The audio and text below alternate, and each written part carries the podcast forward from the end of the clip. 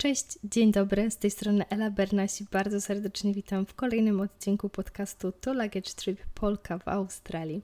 Mam dzisiaj dla Was bardzo fajną rozmowę, także nie będę tutaj wstępu przedłużać. To jest odcinek, który jest nagrany z gościem. I tak jak ja tutaj zapraszałam do siebie już kilka osób, to ten jest po raz pierwszy nagrany zdalnie e, z Karoliną. Więc Karolina przyjechała do Australii na początku roku, w lutym, do Melbourne. No a teraz już od kilku tygodni mieszka w Perth. Ma bardzo ciekawą pracę związaną z badaniami leków, zanim one zostaną wprowadzone na rynek, i zaprosiłam ją, żeby opowiedziała nam o tym trochę więcej, także w kontekście różnic e, pomiędzy Polską a, czy Europą a Australią. Także Karolina trochę właśnie nam tak od środka odpowie, jak to wygląda. Także e, zaczynamy. Witajcie po drugiej stronie globu. Cześć, z tej strony Ela. Prowadzę bloga Two Trip na którego serdecznie Cię zapraszam. Od jakiegoś czasu mieszkam w Sydney i chcę się tutaj z Tobą dzielić informacjami o Australii, miejscach, które odwiedzam, jak i o codziennym życiu na drugim końcu świata. Bardzo mi miło, że jesteś tu ze mną.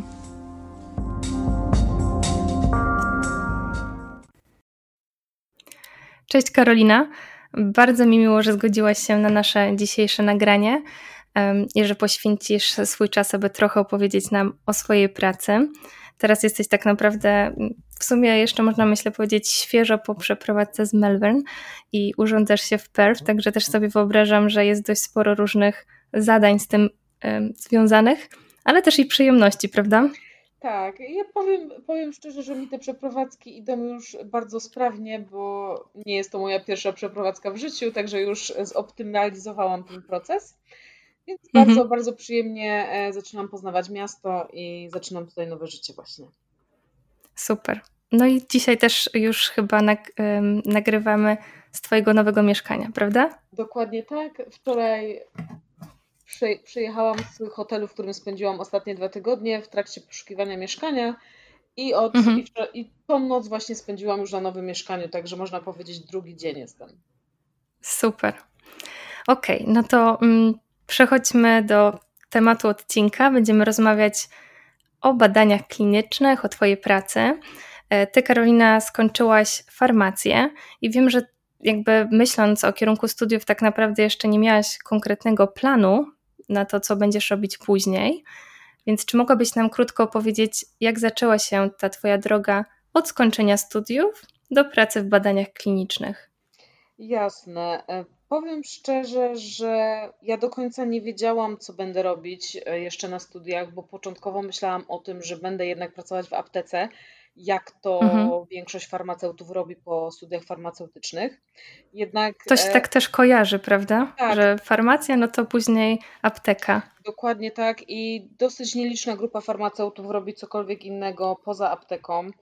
Są takie dwie główne gałęzie, jest to farmacja przemysłowa i badania kliniczne właśnie. Ja bardziej byłam zainteresowana badaniami klinicznymi, ale to, że wylądowałam w badaniach klinicznych, to był tak naprawdę przypadek, bo ja po prostu szukałam ogłoszeń o pracę gdziekolwiek, gdzie chcieli farmaceutów, żeby oczywiście wykorzystać ten tytuł, wykorzystać, wykorzystać ten dyplom, ale żeby jednak mhm. to nie była apteka. No i po prostu przypadkiem zobaczyłam ogłoszenie, wysłałam CV, zaprosili mnie na rozmowę i tak właśnie zaczęłam pierwszą pracę w badaniach klinicznych u sponsora, czyli e, mhm. w firmie biotechnologicznej e, w Łodzi, w Polsce jeszcze, bo to było 5 lat temu już ponad.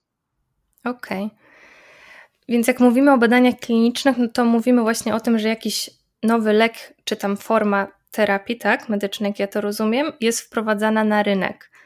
Czy mogłabyś jakoś tak zobrazować nam to, jak to wygląda, jak wygląda taki proces? Jasne. Powiem, proces jest bardzo długi. Mhm. Generalnie przyjmuje się, że wprowadzenie innowacyjnego leku od momentu w ogóle wynalezienia, wymyślenia cząsteczki, która mogłaby cofnąć lub zahamować jakąś chorobę do momentu, aż ten lek będzie dostępny w sprzedaży, e, dostępny dla pacjentów, szacuje się, że to jest około 12 lat, czyli to jest naprawdę dosyć wow. długi czas. Mhm, średnio, bardzo długo. Jeżeli chodzi o, powiedzmy, przeliczając to na, na, na projekt w polskiej walucie, no to będzie to około 8 miliardów złotych. Więc mniej więcej mhm. tyle to są, takie, to są takie koszta i to jest tak długi proces i tak skomplikowany. Mhm. I właśnie po, zanim jeszcze w ogóle lek zacznie, zacznie ten etap fazy klinicznej, czyli badań na ludziach, e, pierwszy etap to jest faza badań laboratoryjnych, potem lek przechodzi przez e, etap badań na zwierzętach i dopiero wchodzi właśnie w ten etap badań klinicznych, czyli z udziałem ludzi. Mhm. Okej. Okay. No, myślę, że większość z nas jakby w ogóle nie ma pojęcia o tym, jak to wygląda dokładnie od środka i jakby te liczby, które podajesz, czy to lata, czy pieniądze, to są no, zaskakujące, zupełnie abstrakcyjne. Tak, zdecydowanie. E, czy mogłabyś powiedzieć o początkach swojej pracy? Z tego co ja wiem, to pracowałaś przy zarządzaniu badaniami, projektami badawczymi, prawda? Tak. E, można w badaniach klinicznych zidentyfikować tak naprawdę trzy organizacje, takie mhm. trzy składowe instytucje w tym całym łańcuszku. Ja to zawsze nazywam takim łańcuszkiem badań klinicznych. E, mamy właśnie firmę farmaceutyczną czy firmę biotechnologiczną, która nazywa się potocznie sponsorem, bo to ona sponsoruje cały projekt i jest właśnie odpowiedzialna za za całe przeprowadzenie projektu, bo to oni wynaleźli tą cząsteczkę, oni wymyślili ten lek i oni chcą go zarejestrować i wprowadzić na okay. rynek. Mhm. E, na samym końcu tego łańcuszka jest ośrodek badań klinicznych, czyli jest to po prostu placówka medyczna, klinika, przychodnia, gdzie pracują lekarze, pielęgniarki, koordynatorzy badań klinicznych i oni fizycznie wykonują ten projekt z pacjentami, czyli oni naprawdę ten lek mają u siebie, który wymyśliła ta firma, czyli sponsor, i podają mhm. ten lek swoim pacjentom. Okej, okay, czyli tam się ten lek testuje fizycznie. Tak, testuję, mhm. chociaż powiem szczerze, że jak ja jeszcze właśnie wtedy byłam u sponsora, mm, praca u sponsora to jest bardziej zarządzanie projektem, bardziej zarządzanie właśnie pod wykonawcami, to ja też miałam taką wizję tego, że to jest takie wielkie testowanie. Szczerze, mhm. jeżeli mówimy o fazach już klinicznych późniejszych, ja nie mówię o fazie, fazie, pierwszej, gdzie biorą udział uczestnicy tylko zdrowi i to naprawdę jest pierwsze podanie w ogóle jakiegokolwiek leku człowiekowi w ogóle pierwszy raz, to te, te, te fazy późniejsze, czyli faza druga, faza trzecia, to, to naprawdę wygląda jak normalna wizyta pacjenta, tylko jest ona po prostu dużo, dużo dłuższa i więcej procedur się tam wykonuje. Czyli możemy sobie to wyobrazić tak, że po prostu pacjent przychodzi do lekarza, lekarz go bada, robi poszczególne procedury typu EKG, typu po, pobranie krwi i wszystko, co jest wymagane protokołem, ale ta wizyta nie wygląda jakoś inaczej niż od normalnej wizyty pacjenta normalnie w przychodni, oprócz tego, że jest dużo dłuższa i więcej procedur się tam wykonuje. I musi być też pewnie to wszystko bardzo skrupulatnie zarejestrowane, jak się domyślam. Tak, ale z perspektywy pacjenta, oprócz tego, że spędza więcej czasu w takiej przychodni czy klinice, mhm. dla niego to, to ta dokumentacja nie, nie, nie jest mhm. E, jakimś problemem, bo to za tą dokumentację właśnie odpowiada lekarz i to on musi, no musi tego dopilnować, że to jest udokumentowane bardzo dokładnie. Mhm. E, a mogłabyś troszkę powiedzieć, na czym polegały Twoje konkretne zadania e, w pracy u sponsora? Jasne. Więc y, no podsumowując, sponsor to jest właśnie taka instytucja, która jeżeli cokolwiek się stanie w projekcie, to, to sponsor decyduje. On ma taki ostateczny głos i musi mieć tę ostateczną decyzyjność w projekcie i też musi nim zarządzać, czyli wszystkie decyzje są podejmowane przez sponsora. Mhm. Ciężko mi, nie chcę wchodzić w za, za duże szczegóły, bo jak zacznę typowymi na przykład e, dawać, dawać takie typowe przykłady, to mi się wydaje, że trochę wejdziemy za, za szczegółowo i z tego nie wyjdziemy. Okay. Mhm. Ale typowo jest to po prostu zarządzanie projektem, czyli na przykład, dobra, dam jeden przykład. Jeżeli na przykład e, zaczyna się projekt, no to sponsor musi zatrudnić do tego te ośrodki kliniczne i lekarzy, tak? Mhm no to sponsor musi je znaleźć, czyli musi przeprowadzić tak zwany proces feasibility, sprawdzenia wykonywalności tego projektu i znaleźć szpitale czy przychodnie, które ten projekt są w stanie wykonać, czyli mają odpowiedni sprzęt, odpowiednich lekarzy z odpowiednim doświadczeniem oraz oczywiście mają odpowiednią pulę pacjentów, którzy właśnie na tą chorobę będą chorować, aby móc podać ten odpowiedni lek. Okay. Jedną składową tego projektu jest na przykład znalezienie odpowiednich ośrodków badań klinicznych i właśnie ich zakontraktowanie, czyli tutaj się zaczyna przede wszystkim przeprowadzenie tego całego procesu, rozmowa z lekarzami, negocjacja kontraktów, negocjacja czasu wykonania takiego projektu i tak dalej, i tak dalej. Okej, okay.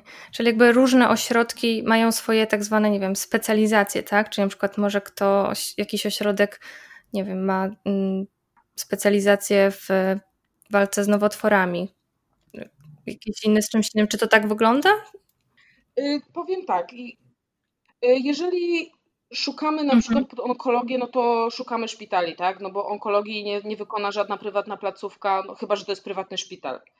Natomiast jeżeli mamy na przykład badanie mniej inwazyjne, czyli jakaś dermatologia, na przykład takie podstawowe badanie, na przykład na trądzik, no to to może wykonać po prostu prywatny gabinet dermatologiczny, jeżeli oczywiście lekarz ma doświadczenie i wie, co robi. Bo to jest mimo wszystko, mimo że to jest na przykład lek stosowany zewnętrznie na skórę, to mimo wszystko jest to niezarejestrowana terapia, więc ten lekarz musi mieć pojęcie, co on robi. Oczywiście. Mhm. A czy to jest tak, że wy macie, czy ten sponsor ma jakby taką listę placówek, czy może zgłosić się do każdej właśnie publicznej, prywatnej? To jest bardzo dobre pytanie, bo tutaj zaczyna się tak zwany know-how. Mhm. Między ośrodkiem badań klinicznych a sponsorem badania klinicznego, czyli firmą farmaceutyczną bądź firmą biotechnologiczną, jest jeszcze jeden stakeholder, czyli tak zwany tak zwana właśnie instytucja, która w tym wszystkim pomaga, czy powiedzmy firma, która nazywa się CRO, to jest Contract Research Organization i to jest mhm. taki wytwór, e, który powstał po to, aby zarządzać badaniami klinicznymi i prowadzić wielo międzynarodowe projekty na terenie całego świata. Bo wyobraźmy sobie taką sytuację, że y, sponsor, firma farmaceutyczna jest zlokalizowana na przykład w Belgii i oni mają projekt, który musi zaangażować na przykład 15 różnych państw. Taka firma, sponsor farmaceutyczna, ona się specjalizuje w wytwarzaniu tego, opracowaniu tej formulacji, a nie w prowadzeniu badań klinicznych. I mhm. firma CERO, w której ja właśnie de facto obecnie pracuję, Mhm, to przejdziemy się, też do tego tak, za chwilę. Mhm. Zajmuje, się, zajmuje się tym, żeby ten projekt zebrać do kupy, mówiąc delikatnie, kolokwialnie, i go poprowadzić na terenie całego świata w tym samym okay. momencie, czyli żeby postawić ten cały projekt i mhm. teraz odpowiadam na Twoje pytanie. Właśnie firma Cero ma ten know-how i my mamy jakby doświadczenie tylko w zarządzaniu tymi projektami, więc jeżeli taki sponsor do nas uderzy i powie, OK, mamy projekt na dermatologię z trądzikiem takim i takim, czy macie do tego lekarzy i ośrodki w pięciu krajach? To my odpowiemy, odpowiemy tak, bo my te badania prowadzimy już powiedzmy od 20 lat i zebraliśmy tą bazę danych tych lekarzy, którzy mają takie i takie doświadczenie i prowadzili z nami wcześniej projekty. Okay. Mhm. Dlatego my im wtedy podrzucamy już gotowe rozwiązania i to jest jakby jedna składowa tego biznesu. Mhm, rozumiem. Mhm. Okej, okay, a y, wiem, że potem przeniosłaś się już właśnie do pracy do ośrodka badań klinicznych. Tak, możesz nam powiedzieć, co się dzieje w takim ośrodku? Trochę Jasne. już jakby wspomniałaś, ale kilka Coś słów. Więcej. Jasne. Mhm. Ja byłam z, właśnie ze względu na to, że u sponsora bardziej pracuje się jakby cały czas przed komputerem. To, to jest takie zarządzanie tym projektem, że tak naprawdę tych ludzi się nie widzi, a już nawet nie mówiąc o pacjentach, sponsor nie może znać tożsamości pacjentów. Mhm. E, ja byłam ciekawa, jak to wygląda od środka, bo fajnie jest widzieć tabelki, tak, Excele, jak idzie projekt, e, powiedzmy ile mamy pacjentów, ten pacjent miał takie wyniki, ten takie, ale mnie to ciekawiło od środka właśnie, jak ci lekarze pracują z tymi pacjentami i jak to wszystko wygląda, bo ja po pracy u sponsora miałam taki sam, powiedzmy, poziom wiedzy i wyobrażenia, jak to wygląda, myślę, taki jak ty masz teraz, czyli mhm. wydaje ci się to może takim wielkim testowaniem, jakimś eksperymentem, a tak naprawdę te fazy późne to jest, tak jak wspomniałam wcześniej, taka typowa wizyta u lekarza, tylko troszeczkę dłuższa. Więc mhm. zdecydowałam się poszukać pracy w ośrodku badań klinicznych i pracować z lekarzami i z pacjentami. I właśnie na początku zaczęłam jako koordynator badań klinicznych, a później awansowałam na menadżera całego ośrodka.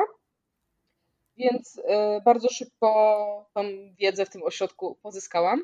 Jeżeli miałabym podsumować, co tam się dzieje. Przede wszystkim w momencie, kiedy otwiera się projekt w ośrodku, to trzeba znaleźć pacjentów, którzy potencjalnie e, pasowaliby do takiego projektu, bo każdy projekt rekrutuje pacjentów ze specyficzną chorobą, którzy mają specyficzne wyniki. Więc e, mhm. przede wszystkim jest to szukanie pacjentów, e, rozmowa z tym pacjentem, czy w ogóle byliby, czy pacjent w ogóle jest zainteresowany taką alternatywną terapią. Oczywiście za to już odpowiada lekarz. E, jeżeli pacjent jest zainteresowany takim projektem, to umawia się takiego pacjenta już na pierwszą wizytę w badaniu. I taka wizyta zaczyna się przede wszystkim od procesu uzyskania świadomej zgody pacjenta na udział w badaniu klinicznym. I to no tak. może trwać długo. To może nawet być podzielone, e, rozdzielone w czasie. Na przykład e, taki formularz świadomej zgody może być pacjentowi wydany do domu, żeby on sobie poszedł, przeczytał, wrócił, przegadał mm -hmm. z lekarzem. Może to też się odbyć od razu na pierwszej wizycie i wtedy ta wizyta trwa po prostu trzy godziny. Wow. Ale przede mm -hmm. wszystkim. Ale to są bardzo ważne rzeczy, jak sobie wyobrażam, no bo tak. Mhm. Pacjent, musimy mieć pewność, że dostają pacjent... coś, czego inni jeszcze nie, nie, nie dostawali. Mhm. Dokładnie tak. Pacjent musi, się, musi mieć świadomość tego, na co się zgadza, jakie są ryzyka, jakie korzyści i za ten mhm. proces oczywiście odpowiada lekarz. W momencie, kiedy pacjent podpisał formularz świadomej zgody wraz z lekarzem, oznacza to, że zgodził się świadomie, tak, po tej rozmowie mhm. i wówczas możemy przejść do procedur badania. E, procedury badania są opisane bardzo szczegółowo w protokole. Protokół badania klinicznego musi być e, znany wzdłuż i wszerz przez lekarza, jak i przez koordynatora, czyli wtedy przeze mnie. Bo ja mhm. byłam wtedy taką osobą, która asystowała lekarzowi, tak? Lekarz Lekarz w ośrodku badań klinicznych przede wszystkim odpowiada za te procedury medyczne, za świadomą zgodę, a koordynator ze względu na tą zaawansowaną papierologię i tego, że to wszystko musi być tak szczegółowo udokumentowane, jest od tego, żeby tego lekarza troszeczkę wspierać i mu przypominać o pewnych rzeczach. E, Okej. Okay. Dokładnie. Dodatkowo koordynator też odpowiada za to, żeby prze, przepisywać te dane z dokumentacji medycznej później do systemu e, elektronicznego, bo te dane z tego ośrodka lecą sobie do sponsora, czyli po prostu to jest wpisywanie tych danych do bazy elektronicznej, bo sponsor otrzymuje tylko i wyłącznie wyniki. On nie widzi tej dokumentacji medycznej, bo tożsamość mhm. pacjentów y, biorących udział w badaniach klinicznych musi być anonimowa. chroniona, anonimowa dokładnie, więc ta dokumentacja medyczna nie wychodzi spoza ośrodka. Sponsor do, otrzymuje tylko suche dane z numerami pacjentów, ale bez imion, nazwisk y, i danych osobowych, które są w stanie zdemaskować tych pacjentów. Okej. Okay. A jeszcze chciałam zapytać, bo tak mi przyszło do głowy, czy to jest tak, że e, pracowałaś w jednym ośrodku badań klinicznych, czy na przykład to może być jakaś sieć i no, masz, e, nie wiem, jeden projekt w danym ośrodku, a później kolejny w innym? E, zdarzają się takie sytuacje, nie jest to bardzo popularne, bo raczej w Polsce ośrodki badań klinicznych zatrudniają koordynatora na cały etat. Więc mhm, raczej u siebie po siedzi, prostu. Tak, mhm. siedzi po prostu u siebie i, i w jednym miejscu, ale ja akurat na przykład znałam koordynatorów badań klinicznych, którzy byli takimi, takimi osobami na tu na pół etatu i tam na pół etatu, więc wtedy ma to, może to tak wyglądać. Ale okay. raczej w Polsce zatrudnia się w ośrodkach na pełen etat. No czasami na godziny, ale to mniej popularne uważam. A czy taki ośrodek badań klinicznych w jednym czasie realizuje jeden projekt wprowadzenia, testowania jakiegoś leku, czy, czy też kilka jednocześnie? Wszystko zależy od skali ośrodka, jak jest duży. Mhm. Jeżeli ośrodek właśnie jest sieciówką, a takie sieciówki istnieją na przykład w Polsce, to może mhm. on prowadzić równolegle bardzo wiele badań, nawet kilkadziesiąt.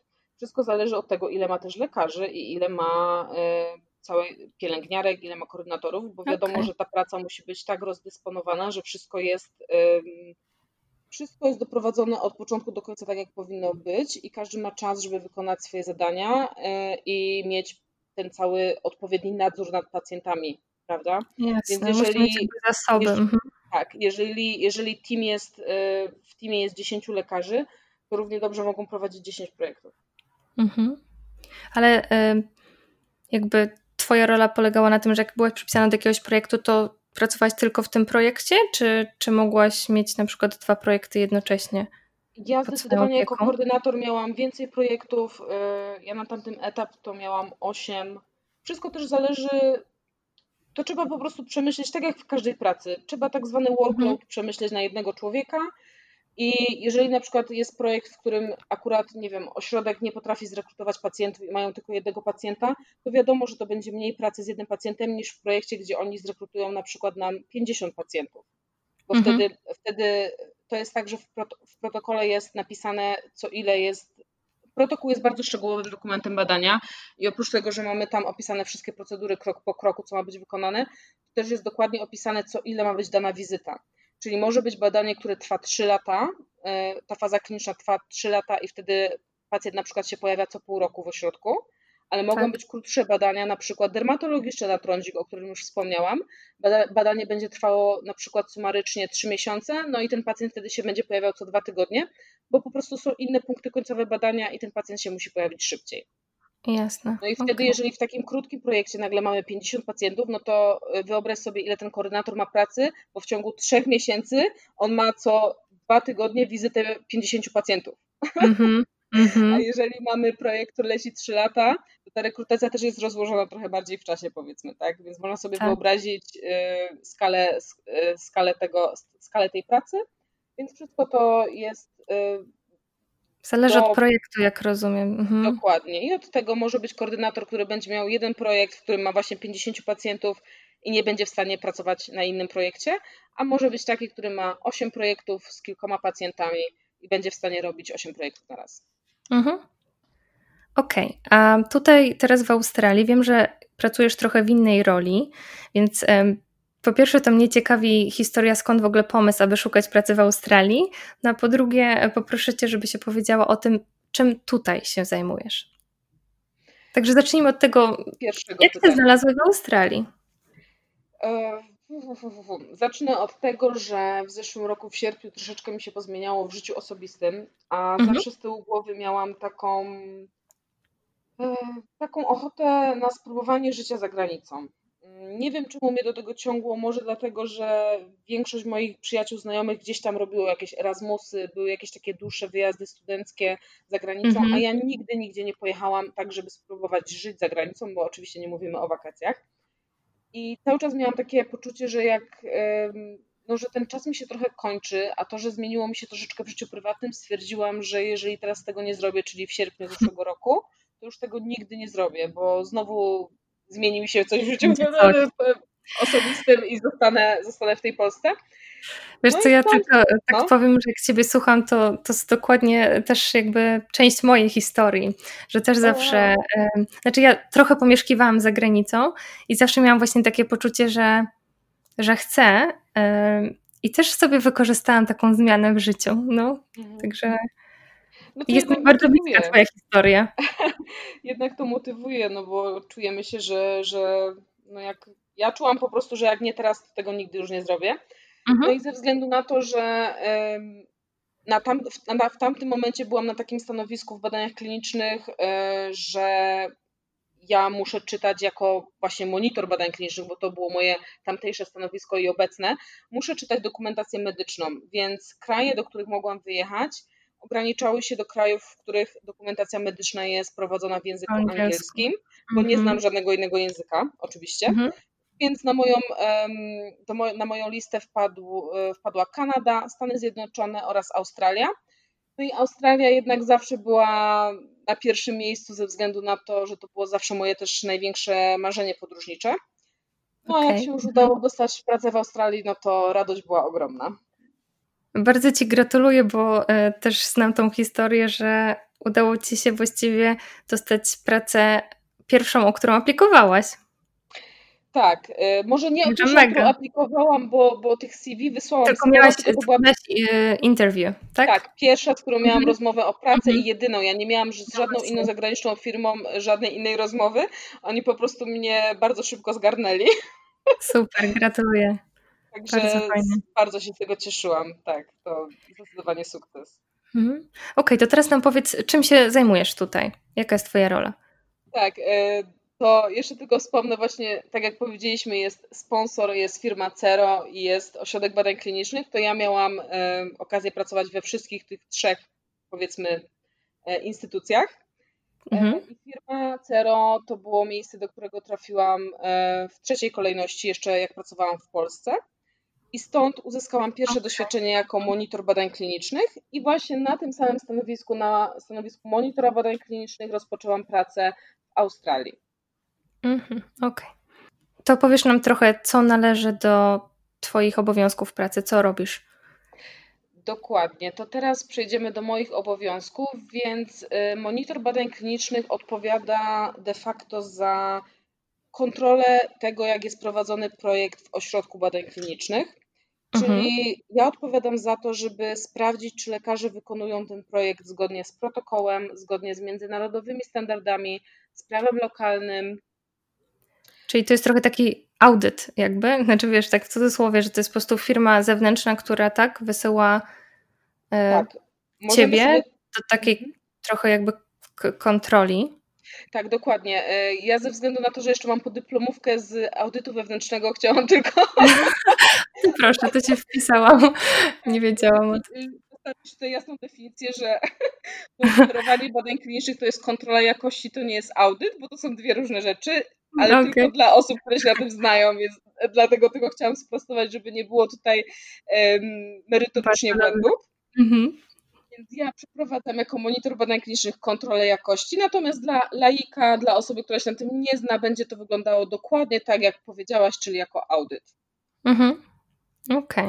Czyli ja przyjeżdżam do ośrodka, e, proszę o dokumentację medyczną pacjentów, e, czytam ją, sprawdzam, czy lekarz wszystko wykonał zgodnie z protokołem, czyli jeżeli miał wykonać EKG na wizycie drugiej, to czy je wykonał, czy jeżeli EKG, EKG miało być zrobione po 5 minutach pacjent, odpoczynku pacjenta w pozycji siedzącej, to tak oni to wykonali. E, okay. Jeżeli mhm. lek, pacjent miał dostać e, lek badany o takim i takim numerze, to ja idę do apteki i sprawdzam, czy ten lek został wydany tego dnia temu pacjentowi. Wszystko mhm. ma być wykonane od A do Z, tak jak jest napisane w protokole. I ja tam przyjeżdżam właśnie to skontrolować i jeżeli coś jest, są jakieś nieścisłości, są znaleziska, to ja tam jadę po to, żeby to wyjaśnić z tym lekarzem. Co się stało, mhm.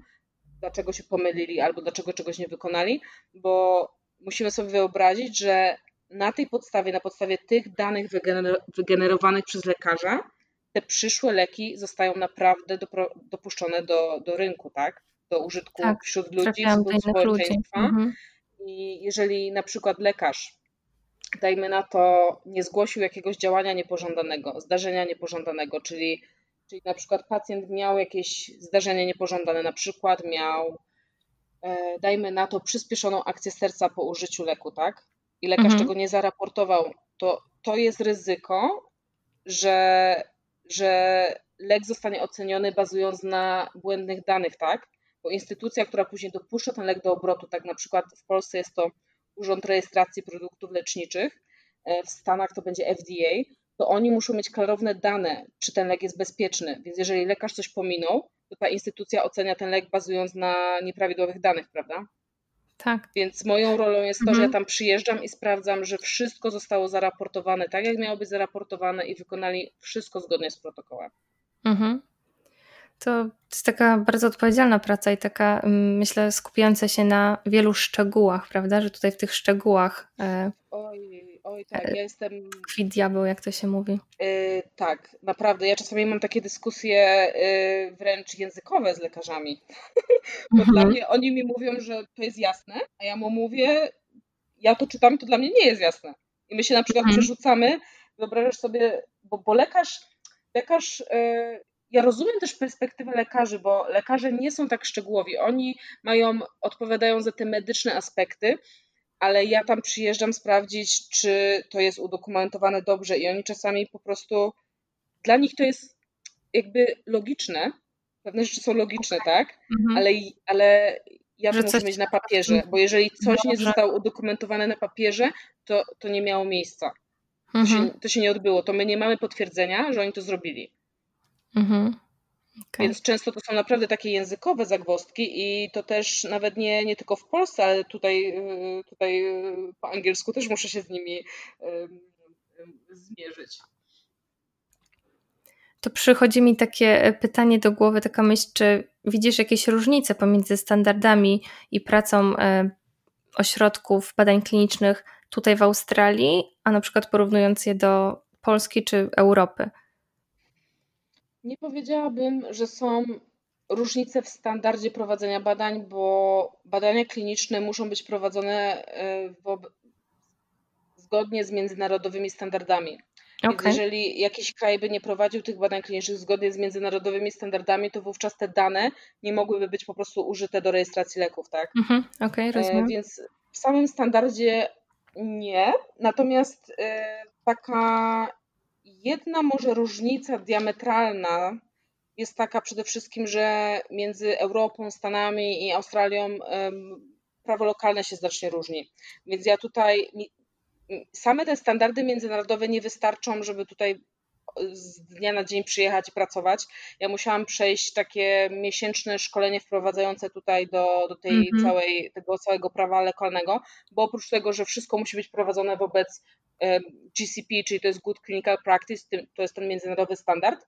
Mamy też prawo lokalne w każdym kraju, które się różni i te badania kliniczne muszą być też dostosowane do danego kraju. I to jest taka największa różnica właśnie między oczywiście Europą i Australią. Okay. Bo to prawo lokalne jest tutaj całkiem inne. Co więcej, oczywiście jak wiemy, um, Australia też lubi mieć różne prawo lokalne między różne Stanami. Stanach, I no to właśnie, też jest dodatkowy, dodatkowe wyzwanie, tak.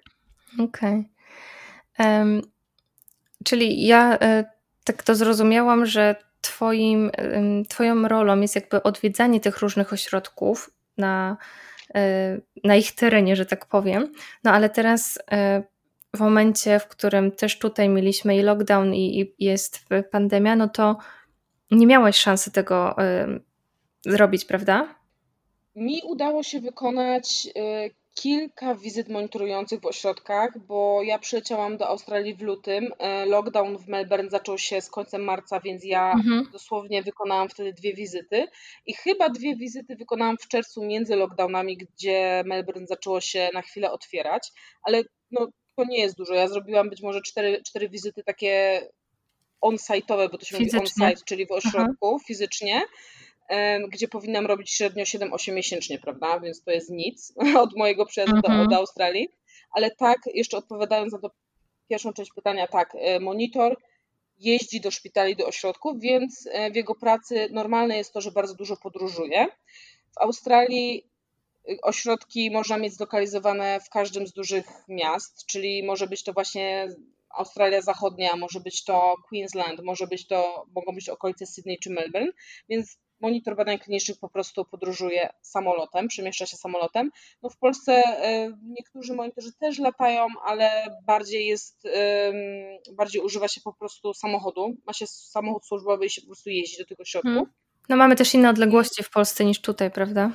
Dokładnie, to przede wszystkim wynika z tych odległości. Mhm. E, no i pandemii oczywiście nikt nie przewidział i w momencie, kiedy ta pandemia się zaczęła, e, moja firma zaczęła rozwijać inne rozwiązania, aby dało się te projekty prowadzić.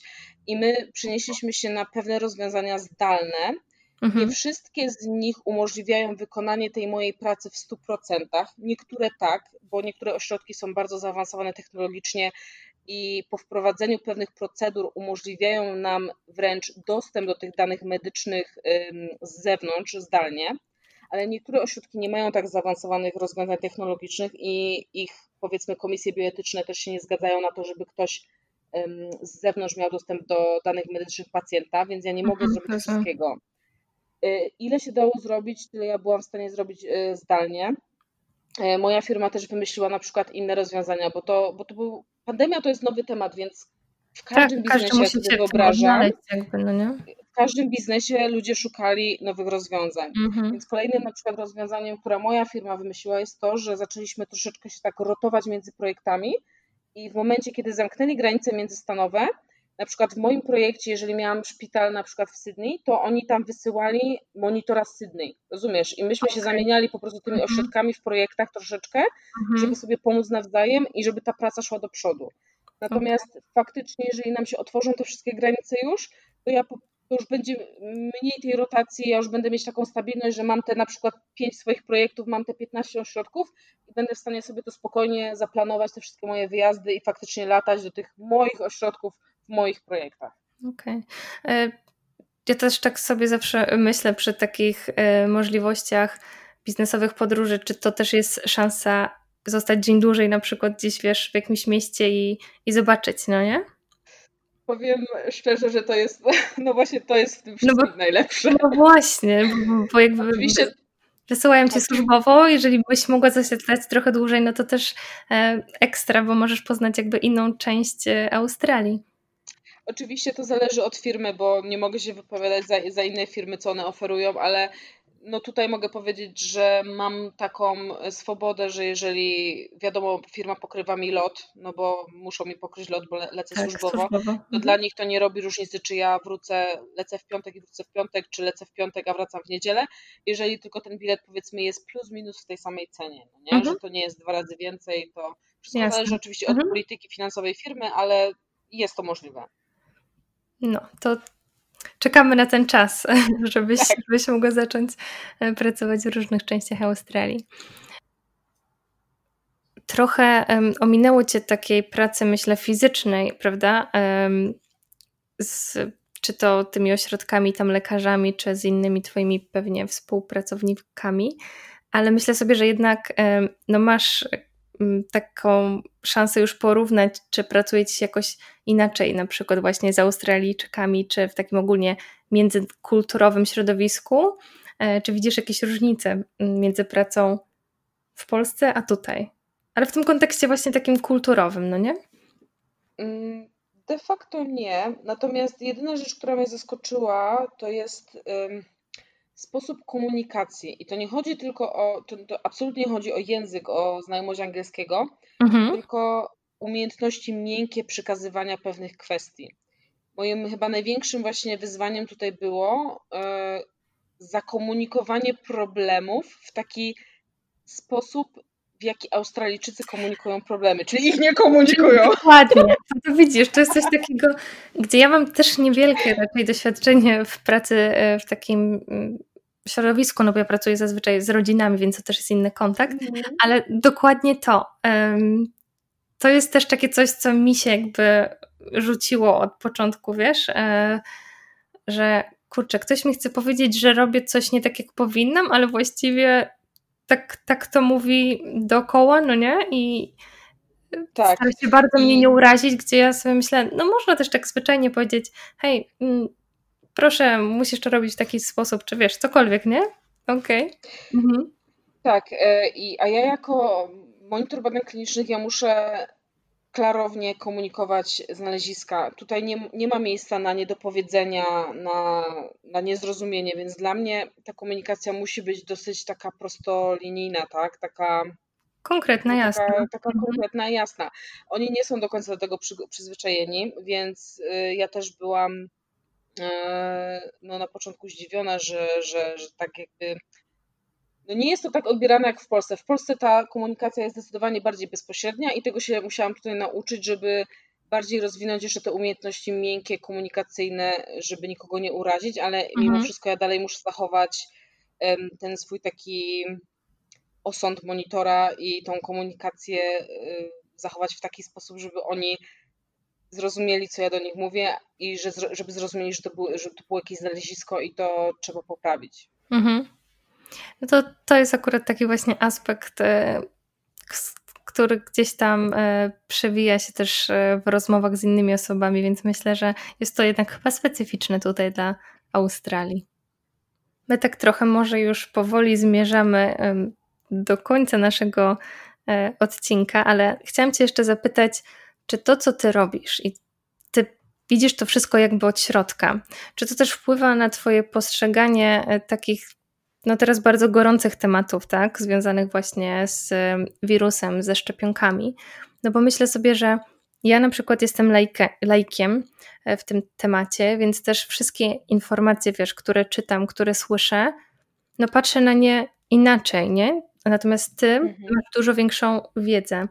Więc czy, czy jest właśnie tak, że inaczej myślisz, że odbierasz te wiadomości niż niż inni, czy, czy bardziej właśnie zwracasz na to uwagę, czy jest to, no wiesz, coś takiego, mm, że jesteś bardziej jakby uwrażliwiona na te, na te tematy, albo właśnie może też masz...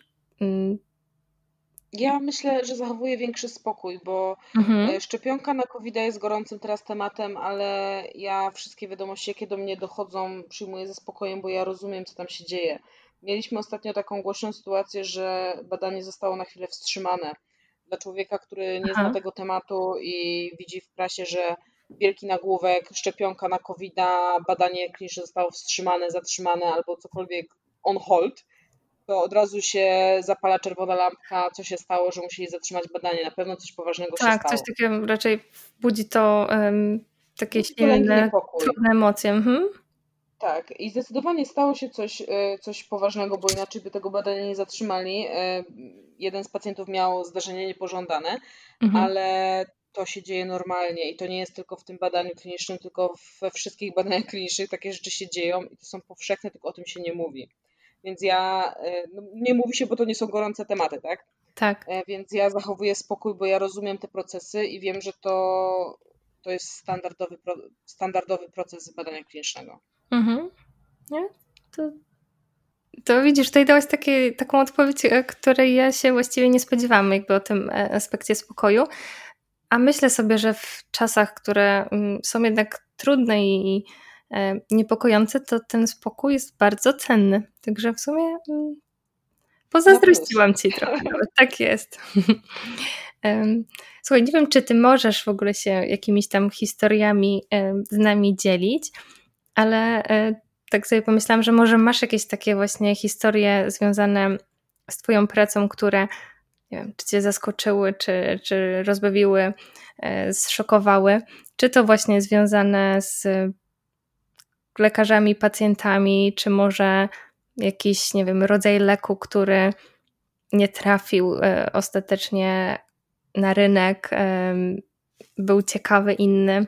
Czy jest może coś takiego, co przychodzi Ci do głowy, co, e, co jest ciekawe, czy mogłabyś się z nami podzielić? Może podzielę się taką jedną z takich e, z historii, które mm, ja przeżyłam bardziej, może, może w ten mhm. sposób. Okay. E, to, to mhm. nie będzie wesoła historia, ale to jest taka historia, która zapadła cały czas. Mhm. Tak, no, wzruszyła mnie w jakiś sposób, wzruszyło mhm. mnie to mhm. i spowodowało, że jeszcze bardziej zaczęłam e, no tak przeżywać czasami e, te badania kliniczne, bo e, ja w Polsce generalnie pracowałam raczej na, jako monitor, mówimy tylko o, o tej roli monitora, raczej na łatwych projektach.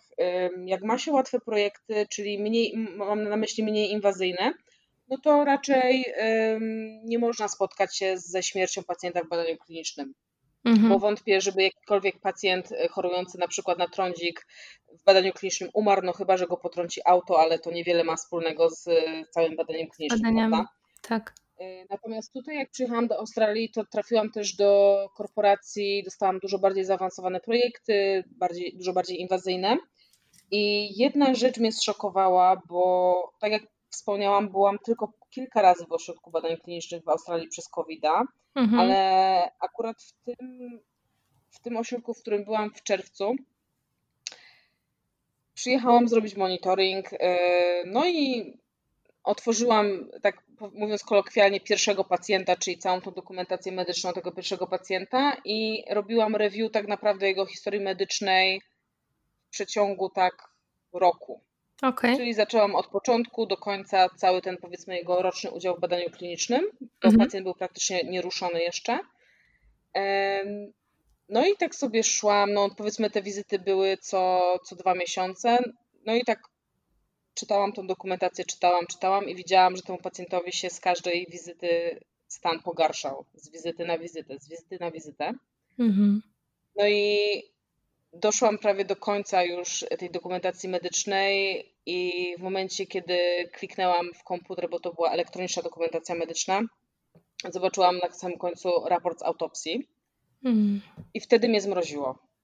Bo mhm. pierwszy raz w moim badaniu klinicznym e, spotkałam się ze śmiercią uczestnika i absolutnie to nie była śmierć uczestnika związana z podaniem leku badanego, bo była to śmierć uczestnika związana z pogorszeniem się choroby podstawowej. Mhm. Ten pacjent miał niewydolność serca, która po prostu progresowała i on, ten pacjent miał normalny standard, standard of care zapewniony tutaj w Australii, plus dodatkowo miał ten lek badany, który to zostało potwierdzone, absolutnie wykluczone przez lekarza, że ten lek nie miał żadnego wpływu na pogorszenie choroby. Tak po prostu przechodziła progresja jego podstawowej choroby i w pewnym momencie po prostu no, yy, pacjent umarł. Mhm. I jak ja doszłam do tego momentu, że zobaczyłam, że tej dokumentacji dalej już nie ma, no ja byłam zszokowana. E, ja byłam zszokowana i jeszcze tylko chcę wyjaśnić jedną rzecz, bo normalnie jeżeli pacjent umiera w badaniu klinicznym, niezależnie z jakiej przyczyny, czy to jest po podaniu leku stricte związane z lekiem, czy, czy nawet nie związane z lekiem, bo na przykład potrąciło go to auto, o którym wcześniej mhm. wspomniałam, każda śmierć, ale to każda śmierć musi być zaraportowana do sponsora w ciągu 24 godzin, więc ten event teoretycznie e, mógłby do mnie trafić wcześniej, mógłby przeze mnie przejść, czyli ja bym mogła być świadoma, że ten pacjent nie żyje, ale akurat ten pacjent umarł po zakończeniu udziału w badaniu, więc zgodnie z protokołem oni nie mieli obowiązku tego zaraportowania, czyli ośrodek nie popełnił żadnego błędu. Okay. Oni absolutnie nie musieli tej śmierci, śmierci raportować, o ile ona właśnie nie była związana z lekiem badanym, a że nie była związana z lekiem badanie, badanym, no to ja mhm. o, o, tej śmierci nie wiedziałam, tylko że w momencie, kiedy ja przeglądałam całą tą dokumentację medyczną i zobaczyłam, że tam już dalej tych wizyt nie ma, że ten pacjent no jakby nie wraca już do tego mhm. szpitala po, po zakończeniu udziału, no to mhm. był dla mnie szok po prostu. I tak wróciłam, pamiętam, to był piątek, wróciłam, to było właśnie w Melbourne, w Royal Melbourne Hospital, w tym największym szpitalu w Melbourne. Wróciłam wtedy w piątek po południu do domu, piątkowy monitoring i tak sobie siadłam na kanapie i mówię, ja pierdzielę. Hmm. No to tak mnie to trochę po prostu zszokowało, że, że no, ten pacjent był i go po prostu prostu już go nie ma, ale myślę, że to jest normalne dla osób, które pracują w służbie zdrowia, bo myślę, że lekarze spotykają się z takimi sytuacjami na co dzień. Dla mnie to po prostu była pierwsza sytuacja, gdzie, gdzie mój pacjent, który, który, którego miałam w badaniu klinicznym, e, umarł. Mm, właśnie tak sobie pomyślałam, że jak zaczynałyśmy o tym mówić, to też mówiłyśmy mm, bardziej o raportach, tak, pojawiło się gdzieś Excel, ale tak realnie za tymi wszystkimi liczbami i mm, e, numerkami stoją konkretne osoby i myślę sobie, że ty jesteś właśnie blisko też takich bardzo e, no, trudnych sytuacji, gdzie w zależności od projektu niektórzy pacjenci mają bardzo poważne choroby, prawda? Więc e, myślę sobie, że to jest też taki trudny wymiar pewnie twojej pracy, że z jednej strony są wprowadzane na rynek jakieś leki, które mają właśnie pomóc e, ludziom i jakby zmniejszyć e, i śmiertelność i poprawić komfort życia, a z drugiej strony no, jesteś też blisko takich ludzkich tragedii. Zgadzam się i to jest, powiem Ci, że to jest akurat piękne, co powiedziałaś, bo właśnie e, za tymi wszystkimi numerami, za tymi wszystkimi wynikami, tabelkami z Excela stoją prawdziwi ludzie i prawdziwi pacjenci. Mhm. I to jest, myślę, kwintesencja badań klinicznych. O tym trzeba pamiętać. Karolina, ja Ci bardzo chcę podziękować e, za tą naszą rozmowę, za to, że poświęciłaś swój czas, aby opowiedzieć nam o swojej pracy. E, to jest w ogóle dla mnie super dowiedzieć się też tylu ciekawych e, rzeczy i takich aspektów, o których nie wiemy, a które myślę sobie, że dotyczą każdego z nas, no bo każdy był kiedyś w aptece i coś kupował, no nie? Więc tak.